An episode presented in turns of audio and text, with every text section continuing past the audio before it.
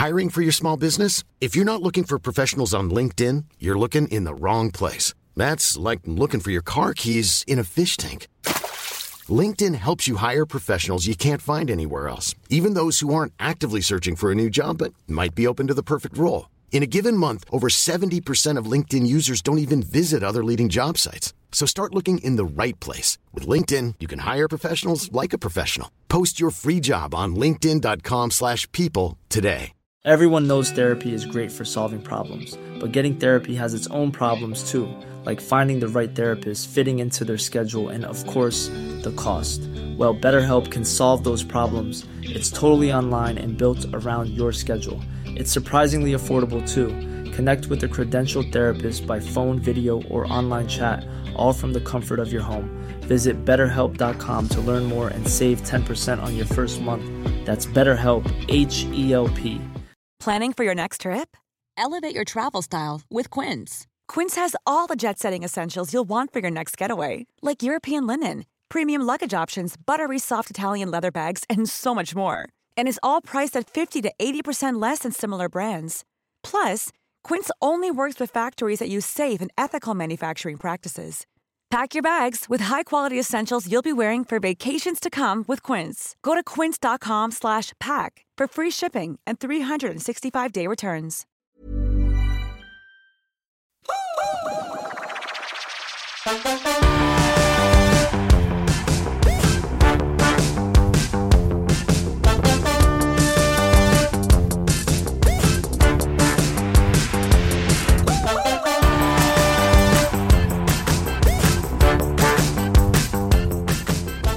Var är du någonstans? Varför är det en sån fördröjning och varför är du inte i Helsingborg?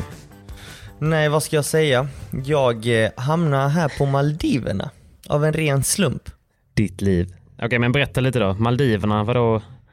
Hur hamnade du på Maldiverna? Det måste gått sjukt snabbt. Eh, det gick väldigt, väldigt fort måste jag säga. Jag eh, vaknade upp i söndags och hade fått ett sms av Urban och ett sms av Mm. Robin Söderling.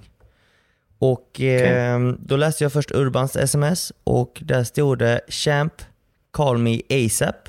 Och så tänkte jag, jaha, intressant. Vad har jag nu gjort tänkte jag först. Och sen eh, läste jag eh, Robin Söderlings eh, sms.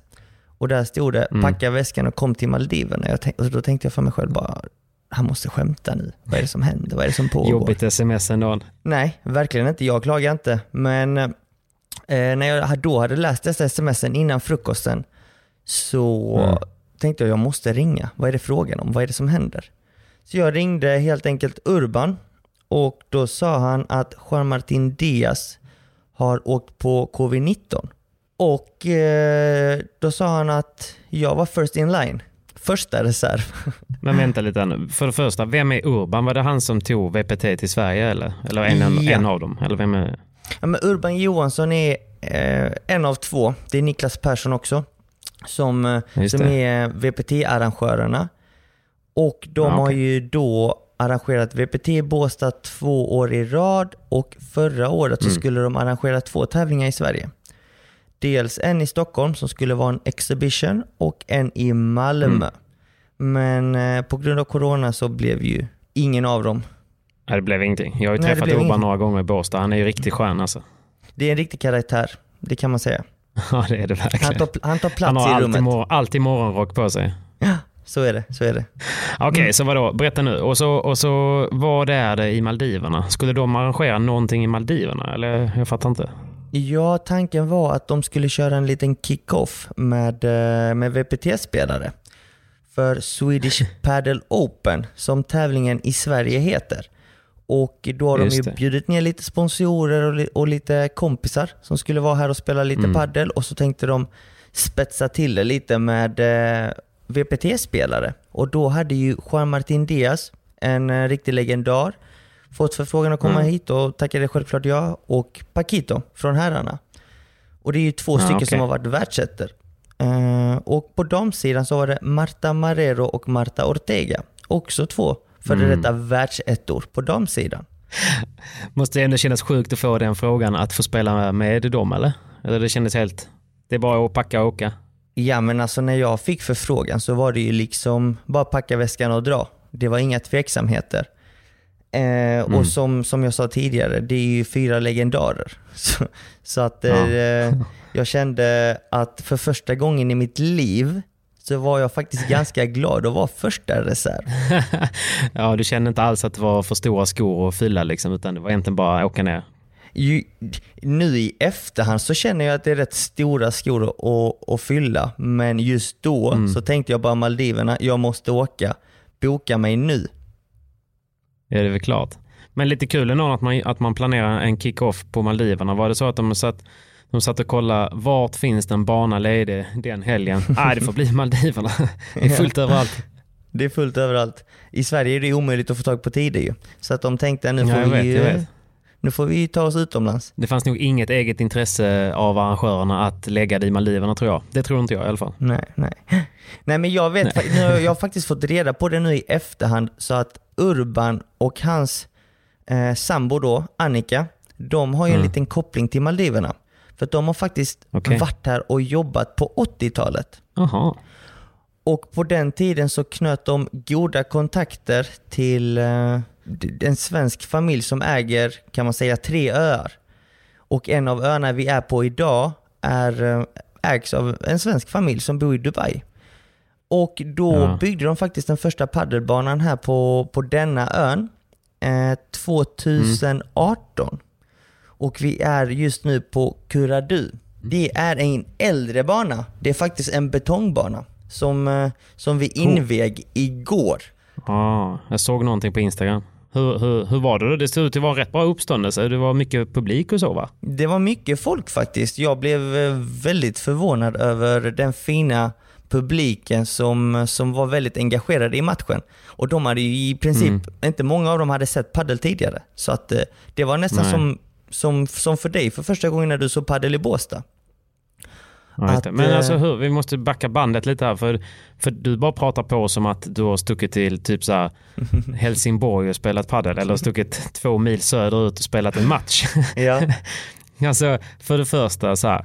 Hur med så pass kort varsel kunde ni ens åka till Maldiverna? För du åkte ju inte själv, eller hur? Nej, jag fick faktiskt med mig tjejen också. Eh, och det, det, Mm. Hur var det samtalet? det var på håret att vi faktiskt kom hit överhuvudtaget. För det var nämligen som så att detta skedde ju i söndags. I söndags fick jag förfrågan och jag var ju illa tvungen att vara nere här på Maldiverna senast tisdag. Vilket innebar att jag var tvungen att flyga senast måndag. Och om jag inte kunde flyga på måndag så var de tvungna att flyga hit en annan VPT-spelare. Så Ja, det. det jag fick göra, det var att jag Urban, och som, som arrangerar detta, eh, började ringa runt till alla läkare vi känner. Och i söndags så befann jag mig i Helsingborg och vi hittade till slut en läkare i Halmstad som kunde hjälpa mig med ett PCR-test, vilket är kravet idag för att resa. Så du tog det snabbt? Ja, det, det, det var ju på studs och det tog ändå en eller två timmar innan vi fick tag på denna läkaren. Eh, Mm. Och jag vill inte säga några namn, för att jag, jag kommer till Nej, det nej. lite senare. Men på vägen dit så snackade jag med eh, min flickvän Mimmi och frågade henne Ja. bara, vill du inte hänga med? Och då sa hon, men vadå, kan jag följa med? Och då sa jag, ja, alltså det, jag kan ju kolla med dem, jag vet inte hur det ligger till, men något går väl att lösa tänker jag. Så att eh, jag ringde Urban och han sa självklart, det är bara att boka en biljett åt henne så, så löser vi det, det är inga konstigheter. Så då tänkte jag bara, Men vadå, oj. vad har ni för liv? Hur kan ni bara eh, på en halvtimmes vändning eh, bara, bara packa väskorna? Ja, men det, här, är- det här är ju som att vinna på Lotto. Vad jobbar Mimmi Men, då? det, men samtidigt, Mimmi är ju mellanstadielärare så att, Ja, de, får vara utan, de får vara utan lärare. De måste ha lite förståelse. nej precis. Och, eh, men hon tänkte bara, men jag tar och ringer min rektor, min chef och bara ställer frågan. Får jag ett ja så får jag ja, Mm. får jag ett nej så får jag ett nej. Alltså frå- frågan är ju fri. Så att eh, hon, eh, Ja. hon ringde ju sin, eh, sin chef och fick faktiskt utan några omständigheter eller funderingar ett ja. Ja. Så att Jag skulle jag- säga att det är ganska bra, eh, ett bra livsråd till alla som lyssnar där ute. Att Mm. ibland, så, ibland så gör man inte någonting för man är rädd för vad svaret ska bli. Men väldigt ofta, det värsta Mm. som kan hända, det är att man får ett nej. Det är bara fråga. Och hellre få ett nej än att leva med en ovisshet och aldrig veta vad som har hänt om. Ja. Ja. Jag vill bara förtydliga att jag fick ju ingen frågan om att följa med. Bara så att inte någon tror att jag så- har sagt nej eller så. Nej. Jag är inte bitter. Kanske nästa gång, man vet ju aldrig. Sveriges första paddelinfluencer, det är klart man vill hänga med dig. Ja, nej, de verkar inte vilja ha någon stream eller några bilder där nerifrån. Det verkar inte vara viktigt att dokumentera, Mm. Har jag märkt. Men jag ska komma tillbaka till det, men jag ska avsluta denna historia Ja, först, förlåt. för den är faktiskt rätt så rolig. Jag var ju på väg till läkaren och då ringer ju Mimmi mig och säger jag fick ledigt och jag bara oh my god. Och då var jag i princip Ja. framme hos läkaren och skulle ta ett PCR-test, vilket är mer eller mindre ett coronatest fast man kollar av om, eh, om, man, om man har bakterien eller smittan just nu eller vad man ska säga. Och då Ja. gjorde jag ju mitt test och eh, då började vi leta efter en ny läkare till Mimmi för att läkaren som jag hade kontakt med, han gjorde en liten fuling faktiskt. Och det är därför jag vill inte namndroppa hans namn. För det var nämligen som så att eh, vi träffades på parkeringen utanför sjukhuset, han tog testet på mig och smugglade in mina, mina prover eh, på akuten. På bakvägen. Han tog bakvägen helt enkelt. Så att, eh, han gjorde en liten fuling för mig för han tyckte väl ändå att jag förtjänade väl att åka till Maldiverna. Och så kanske att han fick fem PT-timmar sen också. Eh, ja, det, det fick han faktiskt inte. Han var jävligt snäll. Men ett, ett pass måste han ju få i alla fall. Det, ska, det har jag lovat Ja, det är väl klart att Simon Vasquez har gräddfil i alla led. Så är det. ja, precis. precis. Nej, så där hade jag ju tur, men fortfarande när jag tog det här PCR-testet så var det ingenting som garanterade mig att jag skulle få mina resultat innan mitt flyg gick på måndagen. Och mitt flyg på måndagen gick Nej. 15.25. Så att jag kände fortfarande, även om jag hade fått förfrågan, jag hade tackat ja, jag hade tagit PCR-testet, så visste jag inte om jag skulle komma iväg. Och Så- vänta, var inte flyget från Stockholm också? Jo, det var det. Så att jag, som jag nämnde tidigare, jag var i Helsingborg. Så att jag fick ju snabbt Ja. åka hem, packa väskan. Och när jag hade packat väskan så, så hade vi ju fått svaret att Mimmi fick hänga med. Och Ja. vi tänkte liksom, vad ska vi göra nu för att du ska kunna ta ett PCR Mimmi för att åka med? För att utan ett Ja. PCR så kommer du inte eh, kunna resa. På planet. Nej, Nej, nej, precis. precis. Så att vi tänkte, nu måste vi slå ihop skallarna och vad har vi Mm. för alternativ? Och kan vi lösa detta på något sätt? Och då hittade vi Mm. faktiskt eh, att Arlanda uppe i Stockholm tar PCR-test och lovar och garanterar att få ett svar samma dag. Men vilken Okej. tid, det kan de inte säga. Så att vi tog faktiskt chansningen att okej, vi bränner upp, vi flyger från Stockholm. Och det var samma sak för mig, jag vågade inte flyga från Köpenhamn för att Danmark har massa regler nu som, som är lite krångliga och skulle kanske Ja. kunna ställa till det lite för mig. ja, man litar inte på en dansker. Nej, det gör man ju IG. Så att vi, vi satte oss i bilen, ehm, vi packade väskorna och brände upp till Stockholm. Detta var söndag Ja. kväll. Vi var väl framme mitt i natten på söndagen. Runt ett eller Mm. två tror jag. Och dagen efter så åkte vi, släppte jag av Mimmi på Arlanda Express för att hon skulle åka upp till Arlanda tidigt som tusan Mm. på morgonen för att vara först eh, på vårdcentralen, eller vad man ska kalla det, på Arlanda för att ta Ja. sitt test. Så att jag droppade av henne på stationen vid eh, sjutiden kanske och jag eh, åkte sedan på ett möte jag hade i Stockholm. ehm, som vi kan snacka om lite senare. Men eh, hur som helst, jag hade fortfarande inte fått mina svar. Jag hade kontakt med läkaren kontinuerligt fram till lunch. Inget svar, så jag bara Uff, det börjar bli lite tajt nu. Klockan är 12. Jag har inget svar Ja. från mitt test. Och Mimmi hade inte heller fått sitt svar. Nej. Jag hade dock en bokning på min biljett, så jag hade ju redan mina flygbiljetter klara, men det hade ju inte Mimmi. Så då Nej. tänkte jag bara, okej, vad ska vi göra? För att vi fick reda på att man måste boka flyget minst tre timmar innan avgång. Och avgång var ju 15.25, så vi hade 25 minuter på oss. Jag ringer Mimmi, för jag var fortfarande inte på Arlanda, och frågar henne, har du bokat den? Och då sa hon nej. Mm. Jag bara, skämtar du? Jag sa ju till dig för en halvtimme sedan att boka, vi måste ta en chansning. Går det så går det, går det inte så går det inte. Men, men sen så började hon argumentera emot att biljetten kostade ändå 10 000. Så att hon ville ju inte kasta 10 000 i sjön. Och det fattar jag. Nej. Men eh, samtidigt, var, var, hade man inte haft lite ångest om man inte hade bokat och sen fått svar på sitt PCR-test kanske en timme innan flyget avgår? Jo. Men vilken, vilken bra sån här eh, pusselbit i ert förhållande då, med tanke på att det är ganska nytt. Det, det, Simon argumenterar för att det, det här är en chans man bara måste ta, det får kosta vad det vill. Mimmi Ja, men, hade lite en annan syn på saken. ja. men eh, jag är ju den impulsiva av oss och jag skulle väl säga att hon är den ordentliga. Och fan. Den kloka helt enkelt. Och eh, vilket som, så träffar jag Mimmi. Jag möter upp Mimmi på, på flygplatsen eh, 12, Mm. 12.20 och frågar henne, har du bokat? Och då säger hon nej. Att hon, hon satt i samtal och ringde till vårdcentralen om sitt test. Och jag bara, men skämtar du? Vi har fem minuter på oss. Och jag får panik och så hade vi en reseledare som, eh, som, som hjälpte mig med min biljett. Så jag ringer upp henne, får tag på henne 12.24. Och så säger jag att nu är det stress, nu är det panik. Mm. Du måste boka Mimis biljett. Och då sa hon, Mm. men har hon fått sitt PCR-svar? För Mimmi hade ju kontakt med henne då. Och Camilla ljög. heter hon. Och då Ja. sa jag, ja det har hon. Jag ljög. Jag ljög. Eh, vilket Känner. Mimmi aldrig hade ac- accepterat att jag skulle göra detta egentligen. Men hon var ju iväg åt ett annat håll och pratade på telefon. Så jag tänkte strunt samma, jag köper biljetten. Går det så går det, går det inte så, så får det vara. Så att jag sa Ja. bara, hon har fått sitt PCR-test, hon eh, är på toa, boka nu bara.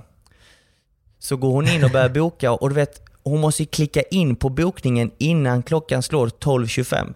Vilket hon hann precis på sekunden, säger hon. Fångarna på fortet ju. Och då bara får jag sån lättnad och bara åh, gud vad skönt. Gud vad skönt.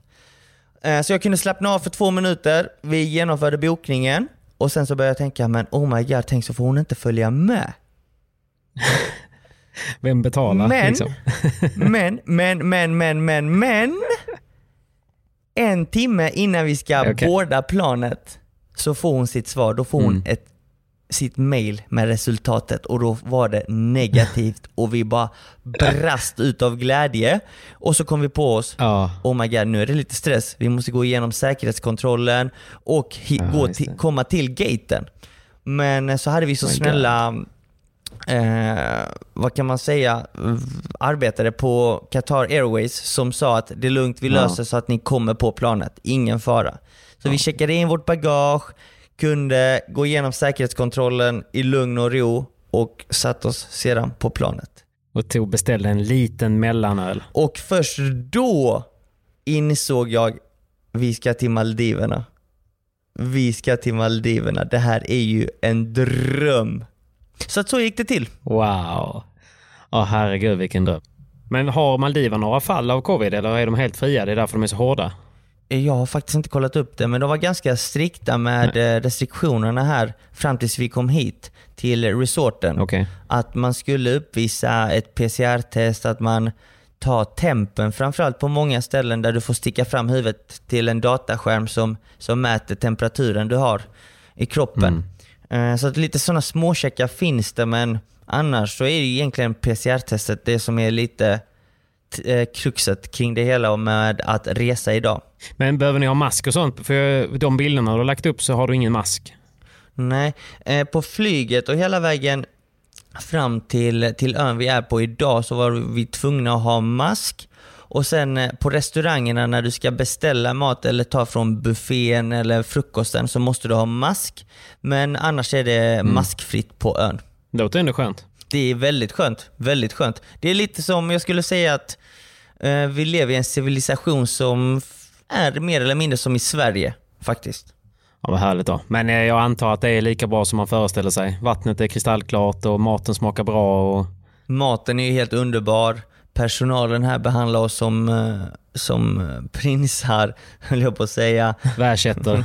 Nej men eh, det, jag, jag har ju aldrig varit här och det har alltid varit en dröm för min egen del att komma hit.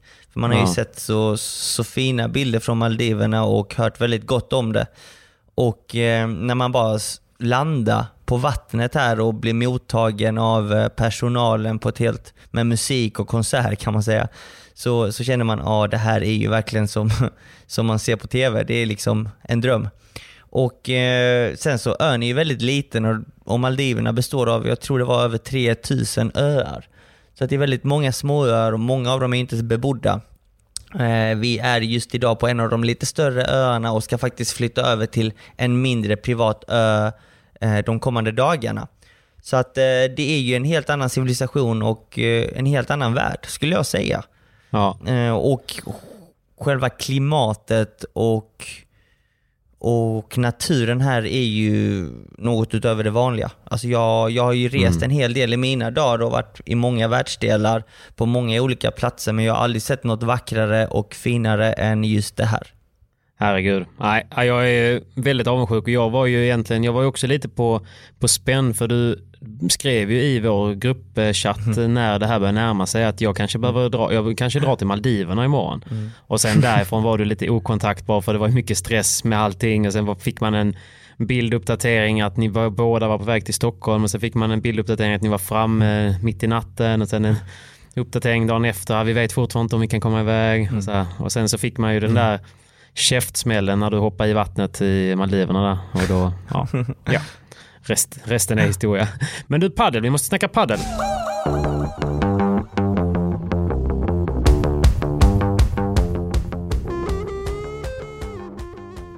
Låt höra. Vad, har du några frågor? Jag har massa frågor, jag har massa frågor. Men vad skulle jag säga? Men finns det bara en betongbana där ni är? Eller? För, för det finns ju inte jättemycket banor på Maldiverna. Eh, det, finns, det finns tre öar vi kommer befinna oss på nu de, dessa dagar.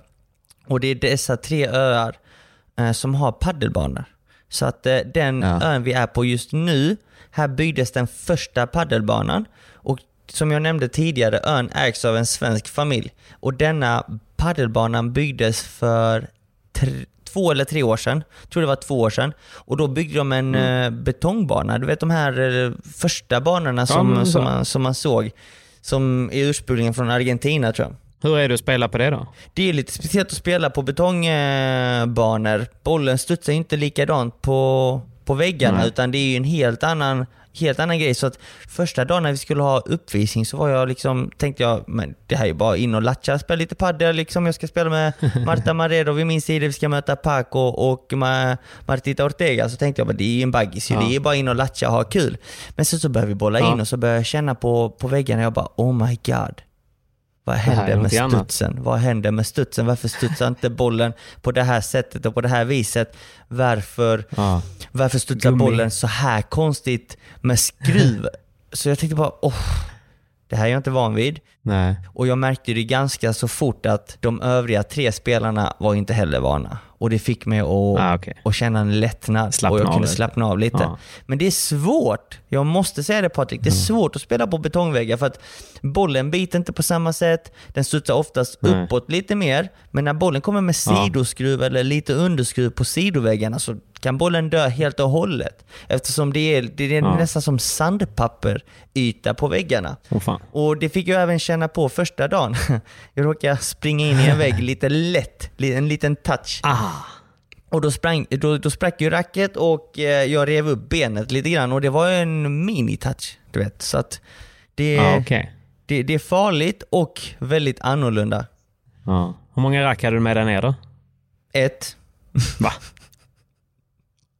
Nej. det har en liten spricka men det funkar fortfarande för det är på toppen. Du Alltså kan inte ett rack med dig mannen. Ja, men du vet, eh, jag har ju bara ett rack just nu för jag har ju bestämt mig för vilket rack jag ska spela med. Och right. eh, det, det valet jag gjorde var att spela med eh, Metalbone, Ali Galan-racket Mm. och, och av det racket har jag bara ett. Så jag tänkte bara, men det är det här jag gillar, det är det här jag spelar med nu. Så jag tänkte, men det är väl det här Mm. jag tar med mig. Ja, vi är många i Sverige som väntar på uh, metalbone-racken alltså. Vi, Mm. Det är bra rack. Det är bra rack. Du har testat dem va? Vad Ja. skulle du säga om dem? Du, jag har testat dem. Jag, det är väldigt många som skriver och frågar och jag har kört med Metalbone Control nu ett tag och bara Mm. en väldigt standardfråga jag får är ju skillnaden mellan de två racken och skillnaden mellan Metalbone Control och ehm, det förra racket som jag hade, Mm. Addy Power eller Addy Power Control 2.0 som jag hade innan. Det är orangea. Mm, och, eh, man kan säga att metalbone är ju styvare. Eh, betydligt mycket styvare. Väldigt mycket lättare. Eh, vilket gör att för mig då som, alltså man kan väl säga timingmässigt är man ju inte alltid i tid. Så ett lättare rack för mig underlättar lite. Ehm, jag är att jag kan komma bakom lite oftare och jag, framförallt kan jag accelerera väldigt mycket snabbare så att nu när jag spelat in mig lite med, med ett styvare rack som är lättare som jag kan accelerera med Mm. så har jag faktiskt fått sjukt bra um, hävstång får jag säga. Mm. Så att uh, väldigt nöjd. Utan Vad- att försöka sälja in det. Men, Nej, det men är vad jag bra. väldigt nöjd. Du är väldigt bra på att sälja in det annars. Mm. Nej, men, eh, och om jag ska bara fylla på lite grann där varför jag valde just detta racket är ju för att jag vill ha ett lite mer droppformat rack men jag vill inte ha något diamantformat. Eh, så att jag vill fortfarande behålla Nej. lite kontroll, ha en bra sweet spot och det är ju ett lite styvare racket som inte väger så mycket vilket Mm. jag tycker är skönt för då kan man ju accelerera lite mer med armen eh, och komma upp i Precis. högre rackethastighet vilket gör i sin tur att man kan spela lite snabbare och hårdare. Eh, och Ja. en annan fråga, jag har en fråga till dig Patrik. Spelar du med dina vikter? Nej, jag har tagit av dem. Jag har testat både och men jag trivs med det så lätt som möjligt.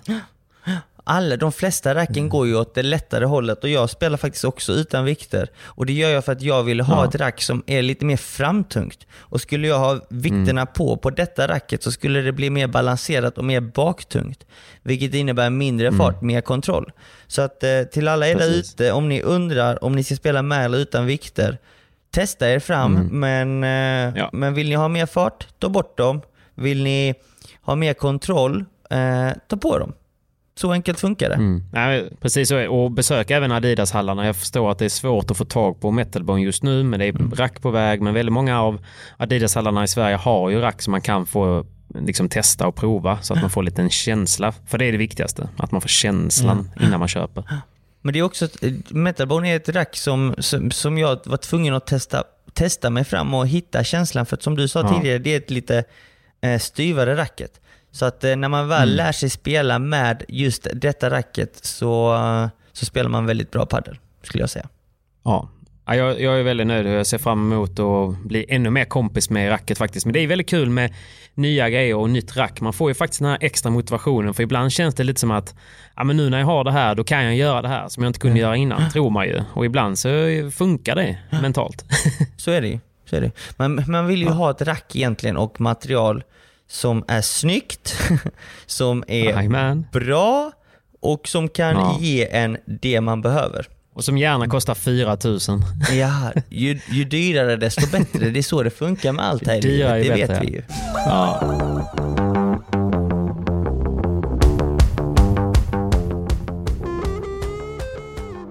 Men du, de andra då? Jag är lite nyfiken på de andra världsstjärnorna. Paquito vet jag att du har blivit en polare med, men hur är det med Martorna som du hänger med? Hur är de? Och är de där med sina respektive också? Eh, De, eh, Marta Ortega är här med sina föräldrar och eh, Marta Marrero är här med sin man och eh, två kompisar.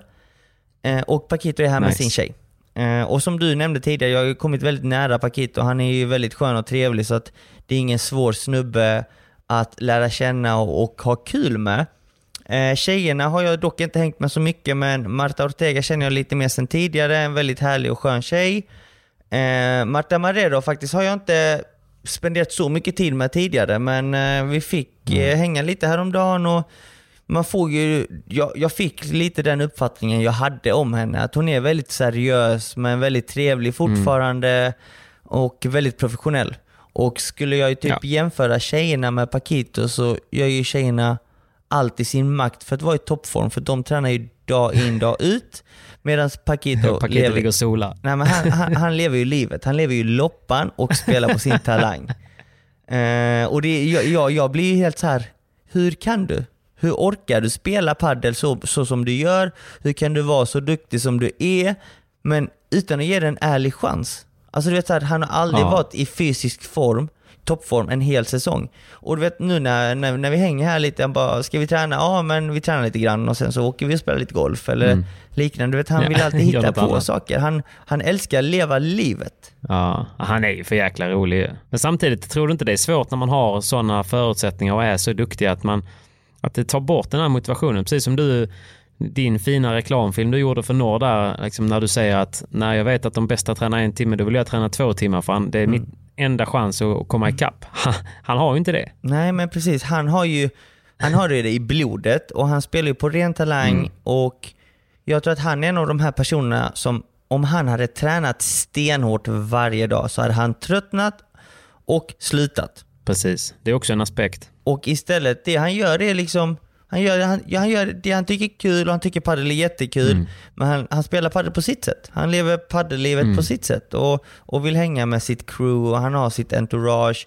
Han vet att han, han tävlar om allt dock. Alltså en, en större Ja. tävlingsmänniska har jag knappast träffats i mitt liv. Förutom min egna partner Cayetano Rocafort. Som vill tävla om allt. Vem, ska, vem somnar först? Vem kan dricka upp det här vattnet, vattenglaset Ja, först? han är som ett litet barn. Ja, ja. Så att de bägge Ja. två är ju extremt tävlingsinriktade och det fick vi ju se i Helsingborg. Nu har vi inte nämnt det lite men Ja. du vet så här, efter ett par dagar, du vet, de hetsar varandra så pass mycket inom allt att det blir sådana diskussioner konstant och, och det fick vi bland annat se på streamen när vi tränade första gången. Ja, ja visst. Eh, och så är det ju om allt. Allt. Allt. Så att eh, det är kul att se från sidan, eh, verkligen, hur, eh, hur man kan ha en sån personlighet att man verkligen eh, triggar varandra på det sättet som de gör, vilket är väldigt kul att se. Det är sjukt kul att få stå vid sidan. Men Simon, hur, eh, hur är eh, mediebevakningen kring eh, alla världsstjärnor du hänger med ner på Maldiverna? Är det uppståndelse eller känns det liksom som en vanlig träningsdag med duktiga spelare någonstans? Nej men jag skulle väl nästan säga att det finns ju ingen mediebevakning här nere. Vi, vi är nästan lite är isolerade på ett, på ett ställe i världen som, som inte har en aning om paddel skulle jag säga. och eh, de som, eh, de som eh, tar lite bilder och de som är på oss lite grann och framförallt de andra världsstjärnorna, det är ju svenskar som är här.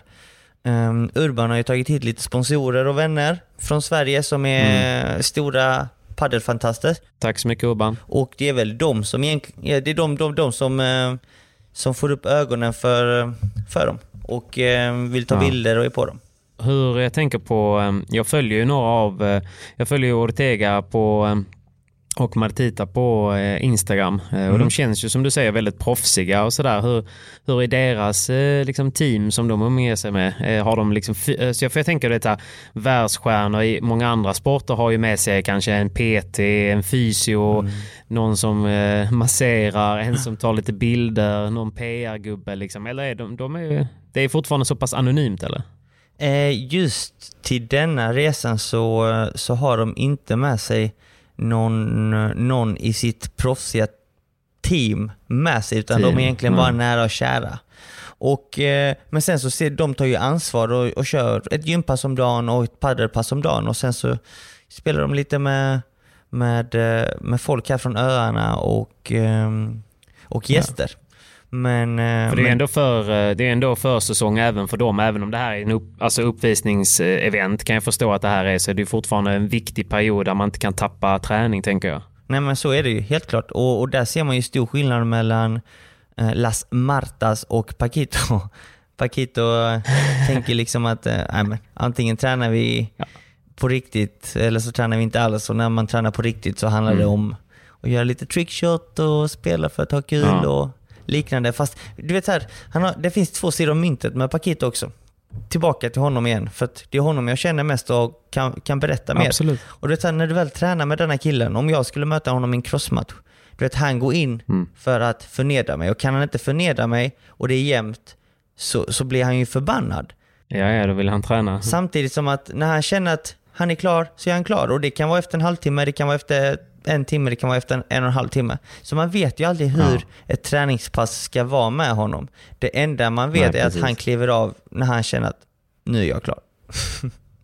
Och, För du vet i i Helsingborg när jag var med där nere, då efter att ni hade spelat matchen Mm. och han gick och hämtade en bollkorg så så vet jag att han tänkte jag så här, shit nu ska han träna, det här blir kul att kolla. Ja. Då spelade han ju in typ så här 20 sekunder till sin Instagram och sen var han klar. ja.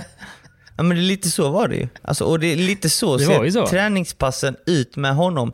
Och vad jag har fått höra så fungerar han likadant i Spanien.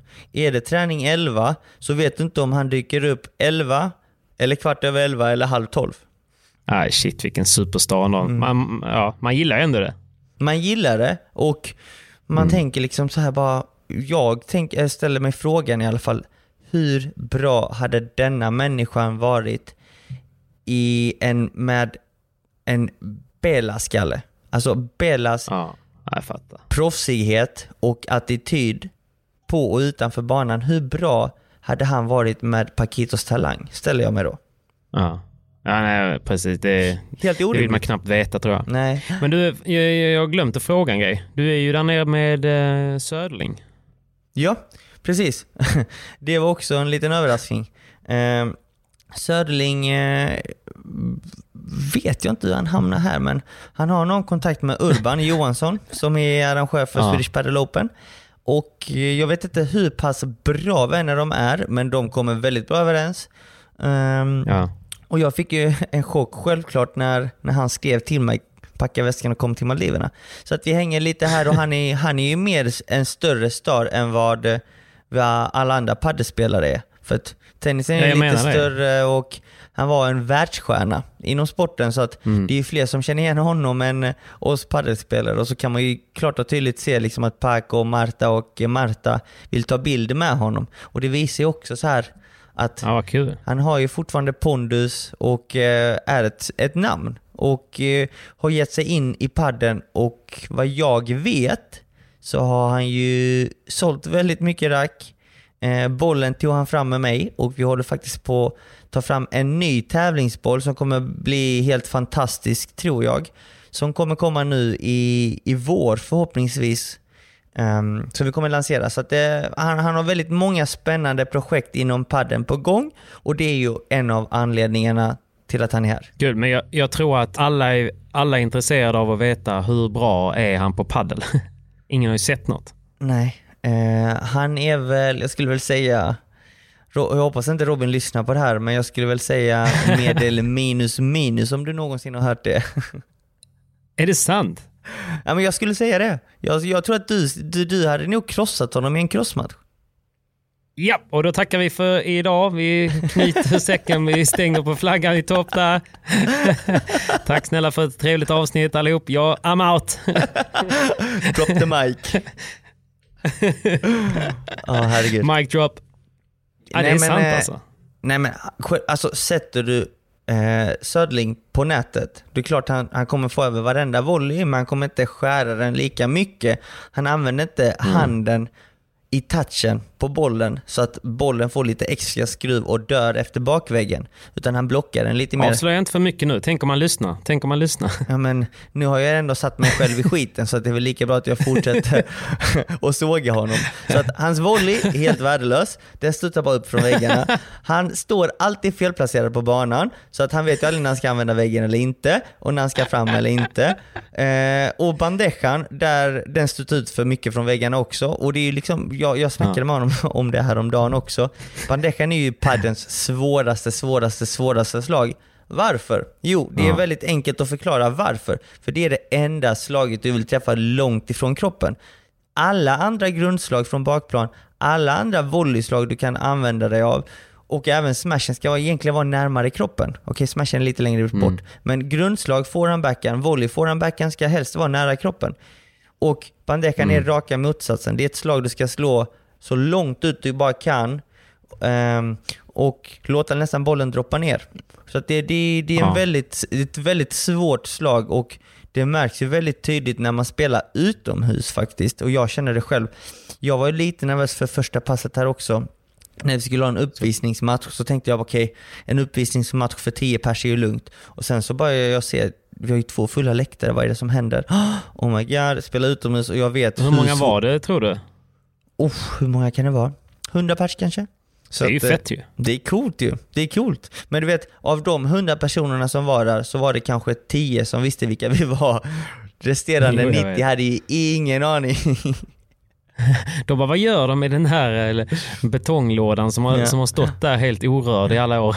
Ja, men du, vet du vad? Jag frågade också eh, ja, befolkningen här, bara stå, är det någon som spelar paddel? Är den fullbokad Ja. eller hur ser det ut? De bara, den är Mm. alltid fullbokad. Och den spel, det spelas ju Oj. självklart bara paddel av gäster som kommer runt omkring i världen.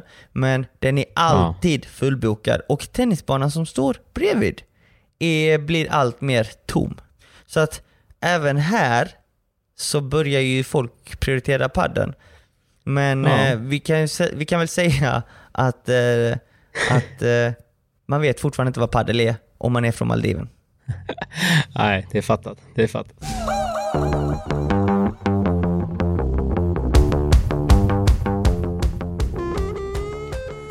Du eh, Simon, jag ska berätta en liten hemlighet för dig.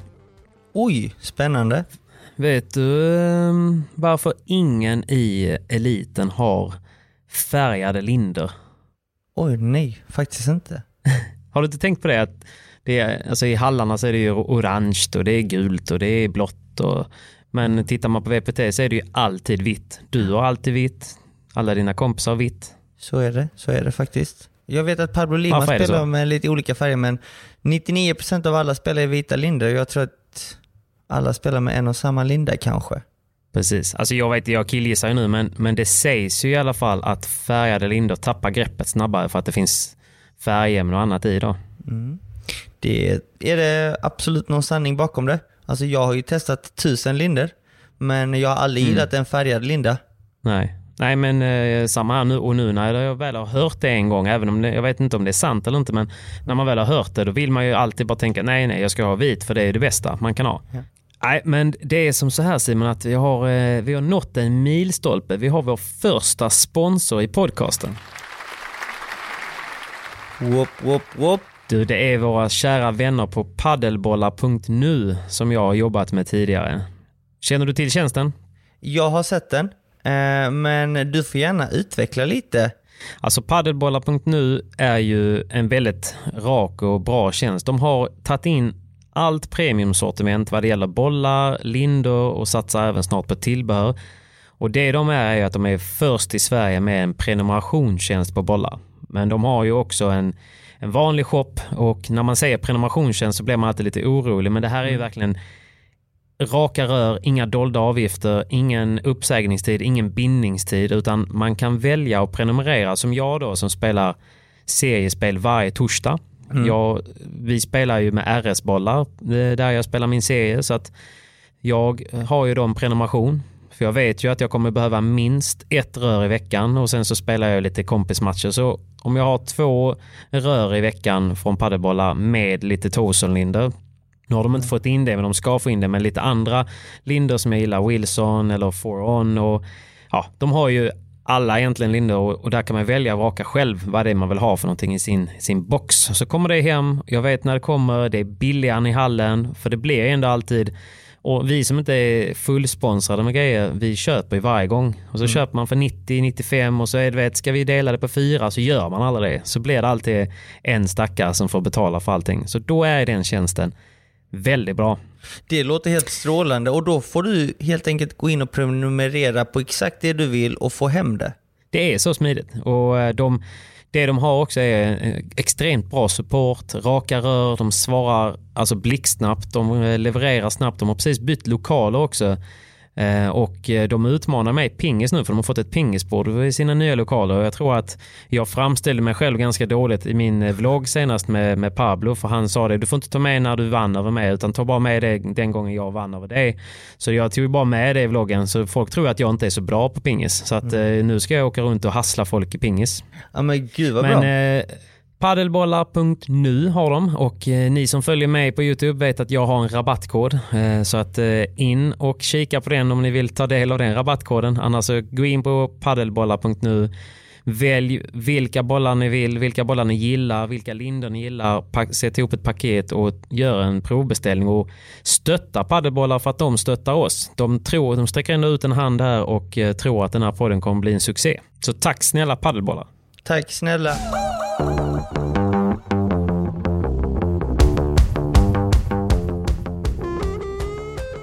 Nu har jag en fråga till dig Patrik. Jag har faktiskt kommit ja. över informationen att det säljs ungefär 150 000 rack i Sverige. Per år. Wow. Men frågan är hur många bollar wow. säljs det i Sverige? Per år. Wow. Du det... Det måste hmm, vara ju... Vågar man gissa det, på det? Ja men jag tänker det måste ju vara...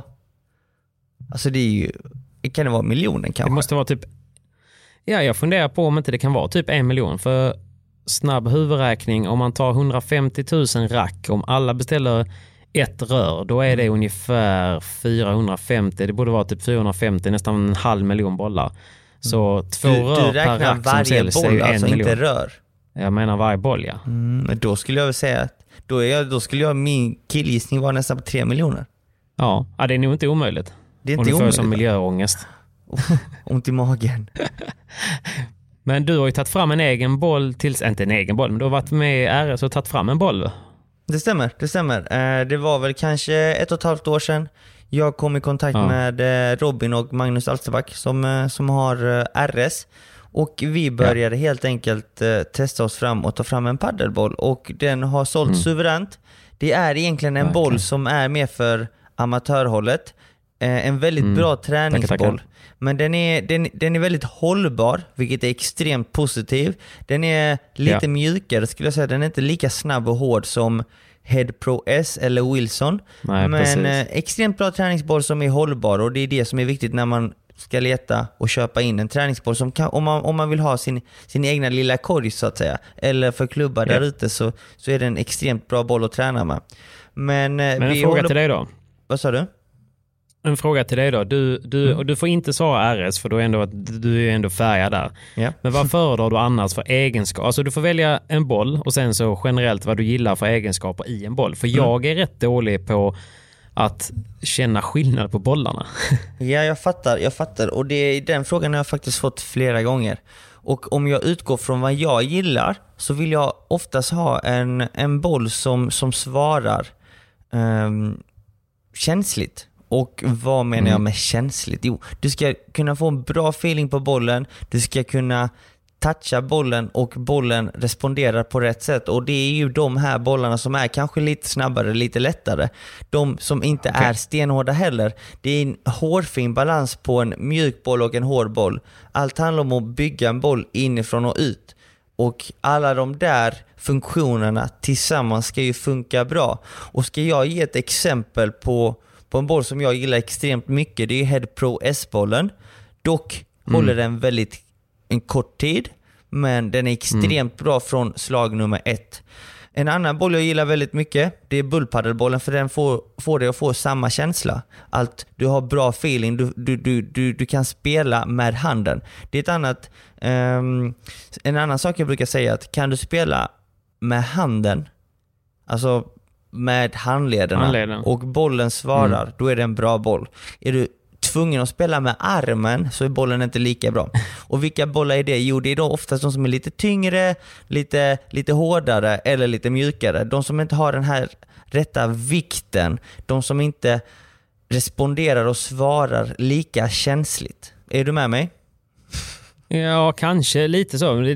Samtidigt så är det så här, handleden, det, det låter lite mer ändå som att det, det är ju teknik. För jag menar när jag var i Spanien, där var det ju inte en... Eh, ett, jag fick ju inte spela med en ny boll på flera veckor och där mm. var ju massa världsstjärnor, äh, i min värld, men massa duktiga spelare som kunde spela hur bra som helst med vilken boll som helst, hur paffade de än var. ja men såklart, en paddelspelare ska ju kunna spela, en bra paddelspelare ska ju kunna spela med alla olika typer av bollar. Men när du väl spelar en riktig match så kan jag ju lova dig att varenda spelare är känslig. Och Utgår ja. jag från min egna känsla så skulle jag ju aldrig kunna spela en riktig match med ett par gamla bollar till exempel. Utan man vill alltid ha nya. Och kollar du på VPT-spelarna mm. så byter de ju bollar var sjunde och nionde game. Och de spelar, jo, jo, in, jo, Och de spelar faktiskt med fyra bollar, inte tre. Så att de har fyra bollar i, gol- i, i bollning samtidigt. Så att bollarna är oftast väldigt Mm. fräscha hela, hela, hela tiden. Och det, det, det är det man ska försöka hitta, eh, tycker jag, Ja. om man ska utveckla en boll. Det är en boll som, som man kan spela med handen, som är väldigt känslig, som svarar bra. Den får inte vara Men stenhård. ganska snabb. Den, den får inte vara Nej. stenhård, för då kommer den inte vara lika snabb. Och den får inte vara för mjuk, Mm. för då kommer man slå igenom slaget när man ska trycka på den ordentligt. Så att det gäller att hitta rätt tryck, rätt material, funktion på gummit hela vägen ut till pälsen. Så att eh, Mm. det, det där är... Det där är liksom svårt Så det är att, rätt att svårt att kombinera göra en boll då egentligen. extremt svårt. Det är väldigt lätt att, att skapa en boll, eller inte lätt, men det är lättare att skapa en bra boll som är bra från slag nummer ett. Problemet med den bollen är att den kommer oftast bli dåligt, dålig väldigt snabbt. En boll som håller Ja. längre är oftast en boll som är lite sämre till en början. Så att det gäller att hitta en balansgång där. Var vill man lägga sig? Och eh, för egen del när vi utvecklar RS-bollen så tänkte vi vi ska utveckla en hållbar boll som är extremt bra på, på, till träning och eh, medelspelare i Sverige. Som är lite mjukare och skonsam, lite skonsammare för armen också. Men nu håller vi på att Ja. utveckla en provvariant. Vi har inte, jag vill inte säga vad den kommer heta, men den Nej. kommer vara åt eh, elitspelarna helt enkelt. Och de okej. som spelar lite mer paddel. Och den Det är inte kommer för vara... mig och Södling då med andra ord. Mm, precis. inte, inte riktigt än. Han, inte han får hålla sig till den gamla bollen. Denna nya bollen, den, denna nya bollen ska vara eh, bättre, men den kommer hålla lite mindre. Okej, men en fråga då på tal om bollar. Eh, när man byter bollar på VPT som man ser så, så, så tar ju oftast de bollarna och så skickar de några så här hårda slag i glasväggen innan de börjar spela med dem. Varför gör man det? Du vill ju få bollen att, bli lite varm kan man säga. Precis som, eh, som Okej. du själv och jag själv och alla andra så måste vi värma upp innan vi börjar spela. Lite så är det med bollen. Ja. Värma upp bollen lite så att eh, eh, den studsar rätt och, och svarar lite mer. Helt enkelt. Det, är- Ja, okej. det är enda anledningen. Jag tror det är placebo, men absolut, det ser coolt ut. Det, det ser coolt ut och placebo är det definitivt inte. Vad heter det? um, En annan fråga på plan när vi ändå ställer några sådana här dumma frågor som jag undrat när jag tittar på du, duktig paddel.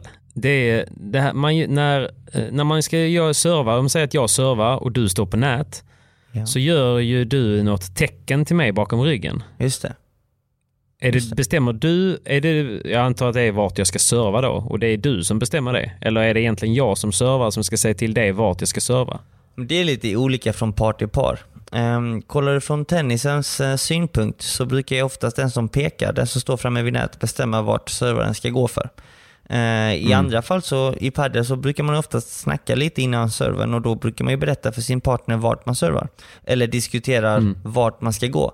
Men många gånger känner jag och många andra paddelspelare att när man servar så, så är man ju inne i spelet, man kan vara lite stressad, det är ett pressat läge. Då är det rätt skönt att få ens partner att ta ett sånt litet beslut eller ge ett tips. Du, nu är det dags att serva här. Vi har servat för mycket ut mot glaset, lägg den i mitten.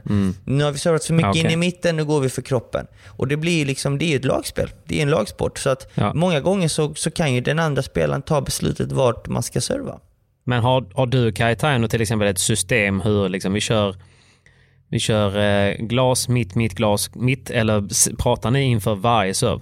Vi pratar inför varje serve. Eh, Rullar matchen på och vi har kontroll så brukar den som servar serva lite vart som helst. Men när det brukar vara en jämn match eller en viktig match eller kanske ett, ett, vi är i ett läge där matchen står och väger, då är ju varenda serve viktig. Och ibland Ja. så kan man ju kanske inte se vart motståndaren returnerar lite sämre eller vart den returnerar bättre.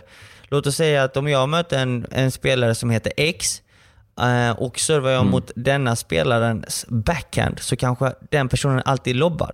Spel, servar jag mot den spelarens forehand så spelar den kanske alltid bollen lågt. Och i vissa lägen när det är tajt och, och, och man kanske har en tveksam bandeja eller sämre smash så kanske jag inte vill serva till den spelarens backhand för då vet jag att jag kommer få en lobb. Utan då är det kanske skönare att serva på forehandsidan för då börjar jag med en volley. Så det är lite sådana här små saker, små tankar. Det är smart. Och man försöker ju läsa spelet, läsa motståndarnas sätt att spela så mycket som man bara kan. Och jag ser vissa saker och min partner ser andra saker. Så att där hjälps man åt och det är det man oftast diskuterar mellan slagen eller mellan gemen. Danny sa en grej till mig att eh, jag som servar ska ju då berätta för honom vart jag vill serva och viktigt var inför varje boll. Och han sa det inte bara för att jag som eh, står på nät ska veta vart du servar utan också för fokusens, som du säger då, i en tight match eller i alla matcher. Varenda boll man ställer om och man faktiskt tänker att var ska jag serva och sen man berättar för sin partner så kommer man vara lite mer i nuet. Och det känns ju faktiskt väldigt logiskt. Ja men så är det också. Man är, man är mer med i matchen och du, du är mer förberedd på vad din partner ska göra. Så om du står framme vid nät och din partner servar, vet mm. du vart den personen kommer slå serven, då är du ju med på vad som kommer att hända, vart bollen kommer att gå. Så att eh, all förberedelse är, är bra tips. förberedelse. Så att det är tips. Prata alltid, snacka med varandra. Vart kommer ni serva? Sen så vet jag att när jag spelar med Paquito, han säger ju aldrig vart han servar om inte det är ett viktigt läge. Utan eh, Nej, det, det, det, är bara, det är en serv. Och som jag nämnde tidigare förra podden tror jag. Pacos ja. serv är ju bland hans svagheter. Hans serv är ju helt värdelös. Inte helt värdelös, men den är väldigt långsam. Nej, men... Och det är ja. ingen stor del av hans spel. Men när det väl gäller så brukar han ju spetsa till det med att spela en backhandserve. Alltså göra exakt. något annorlunda. Patenterad. Och, ja, ja, precis. Och, eh, så att det är ett tips till alla er. Prata mycket. Berätta för er medspelare mm. vart ni servar. Och är det inte ni som servar så, så kan ni alltid liksom komma med förslag och idéer. Förslag. Och, och, och diskutera i alla fall vart er medspelare borde serva för att. Mm. Så att eh, det är ett eh, väldigt bra tips. Men det är väldigt bra för många pratar hela tiden om vad, vad ska jag göra för att ta nästa steg och så vidare. Och det handlar ju lite som du säger, dels så kan man observera hur de slår sin retur, mm. men också så kan man som, som den eh, personen som står på nät och sin partner som servar, man kommer ju kunna täcka helt andra ytor om man faktiskt mm. vet var serven ska gå. Ja. Så att man kan vara lite mer, man kan ju tjuva lite för att prata paddelspråk. Man kan tjuva lite och man kan vara lite mer på alerten. Men det är också så här, den som inte servar utan den som står framme vid nät har ju ett bättre mm. överseende över spelet och vart motståndarna kanske serv, eh, returnerar bäst. Så att eh, mm. det, det gäller bara att snacka mycket. Mycket taktik. Padel är som schack. Mycket taktik. Du, jag har en annan, eh, okej, okay, sista spelfrågan här nu, men sen har dig het på gröten. Vi hade ju ställt lite frågor och det, det här är en fråga som jag har fått av väldigt, väldigt många. Hur viktigt det här är. Jag ska spela upp ett litet eh, ljudklipp till dig här så ska vi se om du kan, kan höra. Eh, så kommer här då.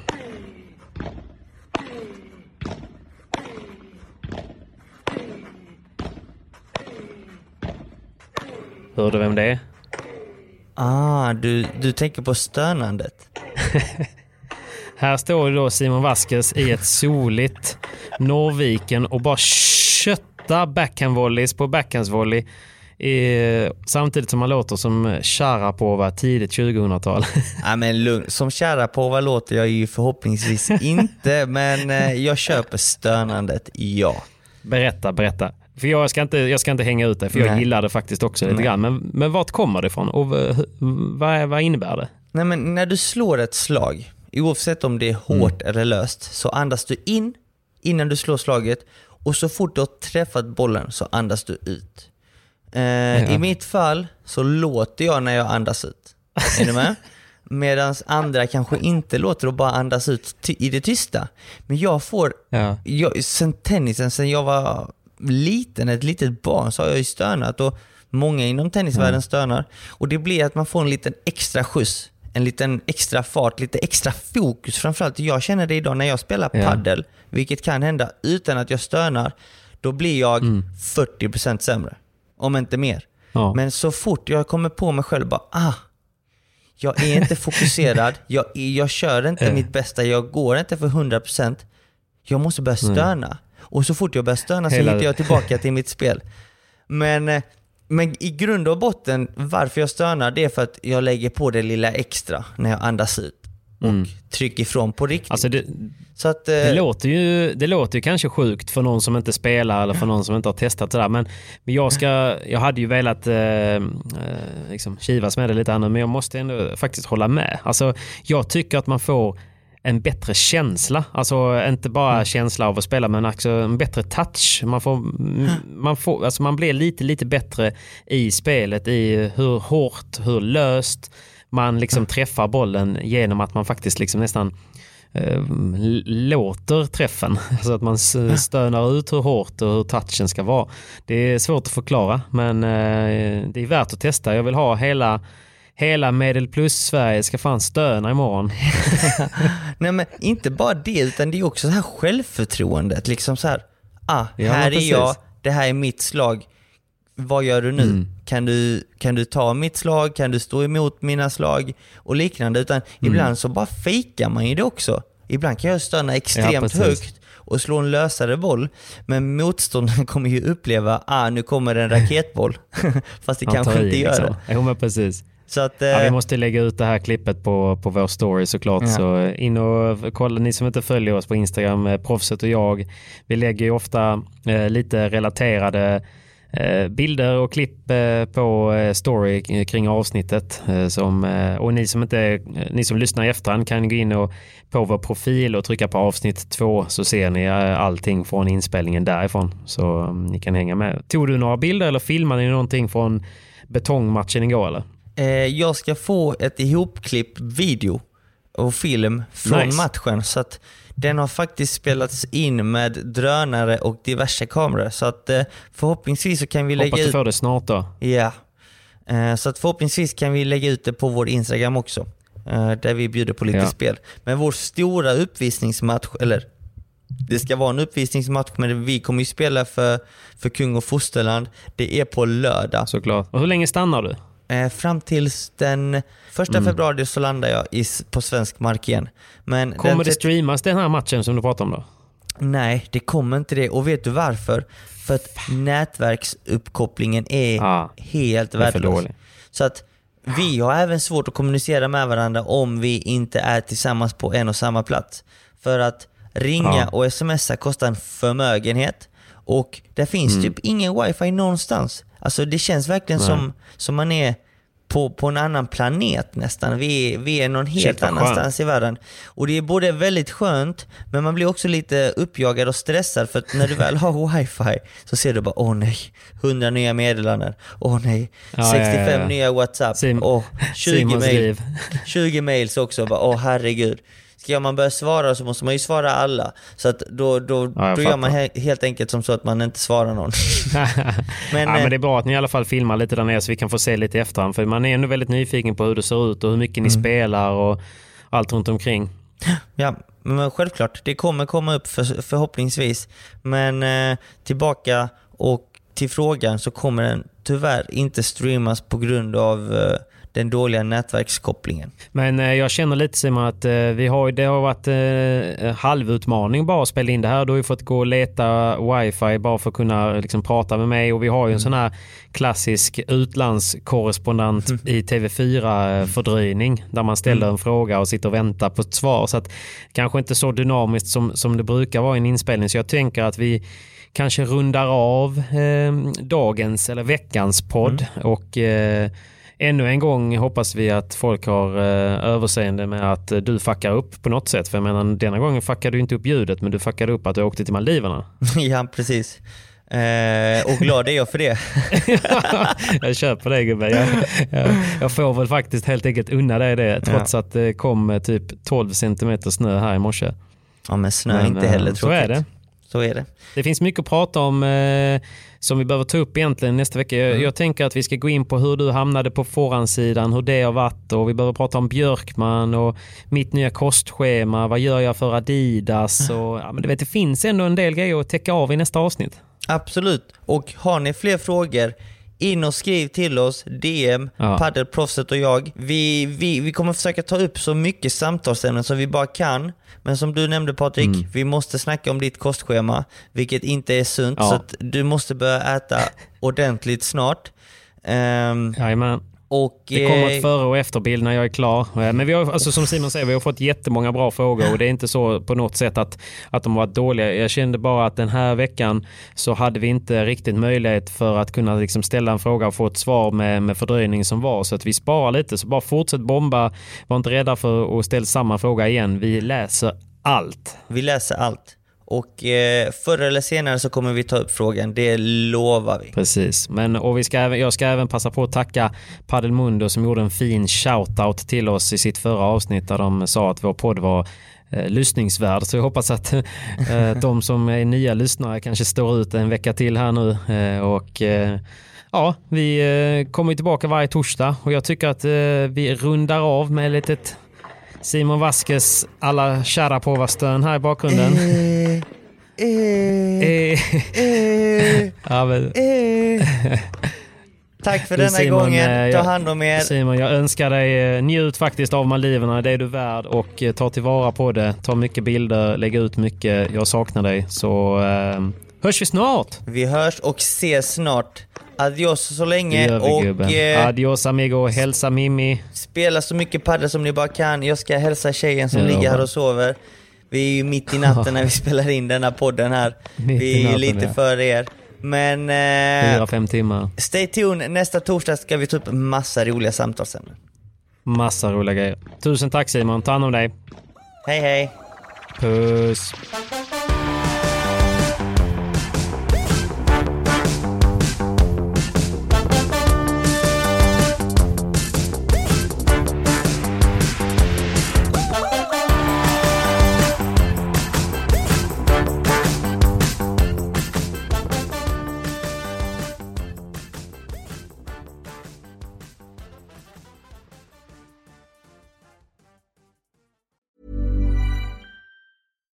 When we're on a budget, we still deserve nice things.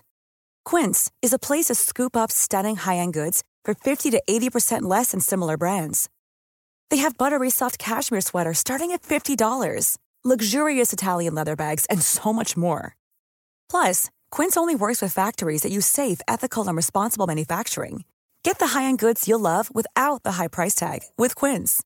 Go to quince.com slash style for free shipping and 365-day returns. Mom deserves the best, and there's no better place to shop for Mother's Day than Whole Foods Market. They're your destination for unbeatable savings, from premium gifts to show-stopping flowers and irresistible desserts. Start by saving 33% with Prime on all body care and candles. Then get a 15-stem bunch of tulips for just $9.99 each with Prime. Round out Mom's menu with festive rosé, irresistible berry chantilly cake, and more special treats. Come celebrate Mother's Day at Whole Foods Market.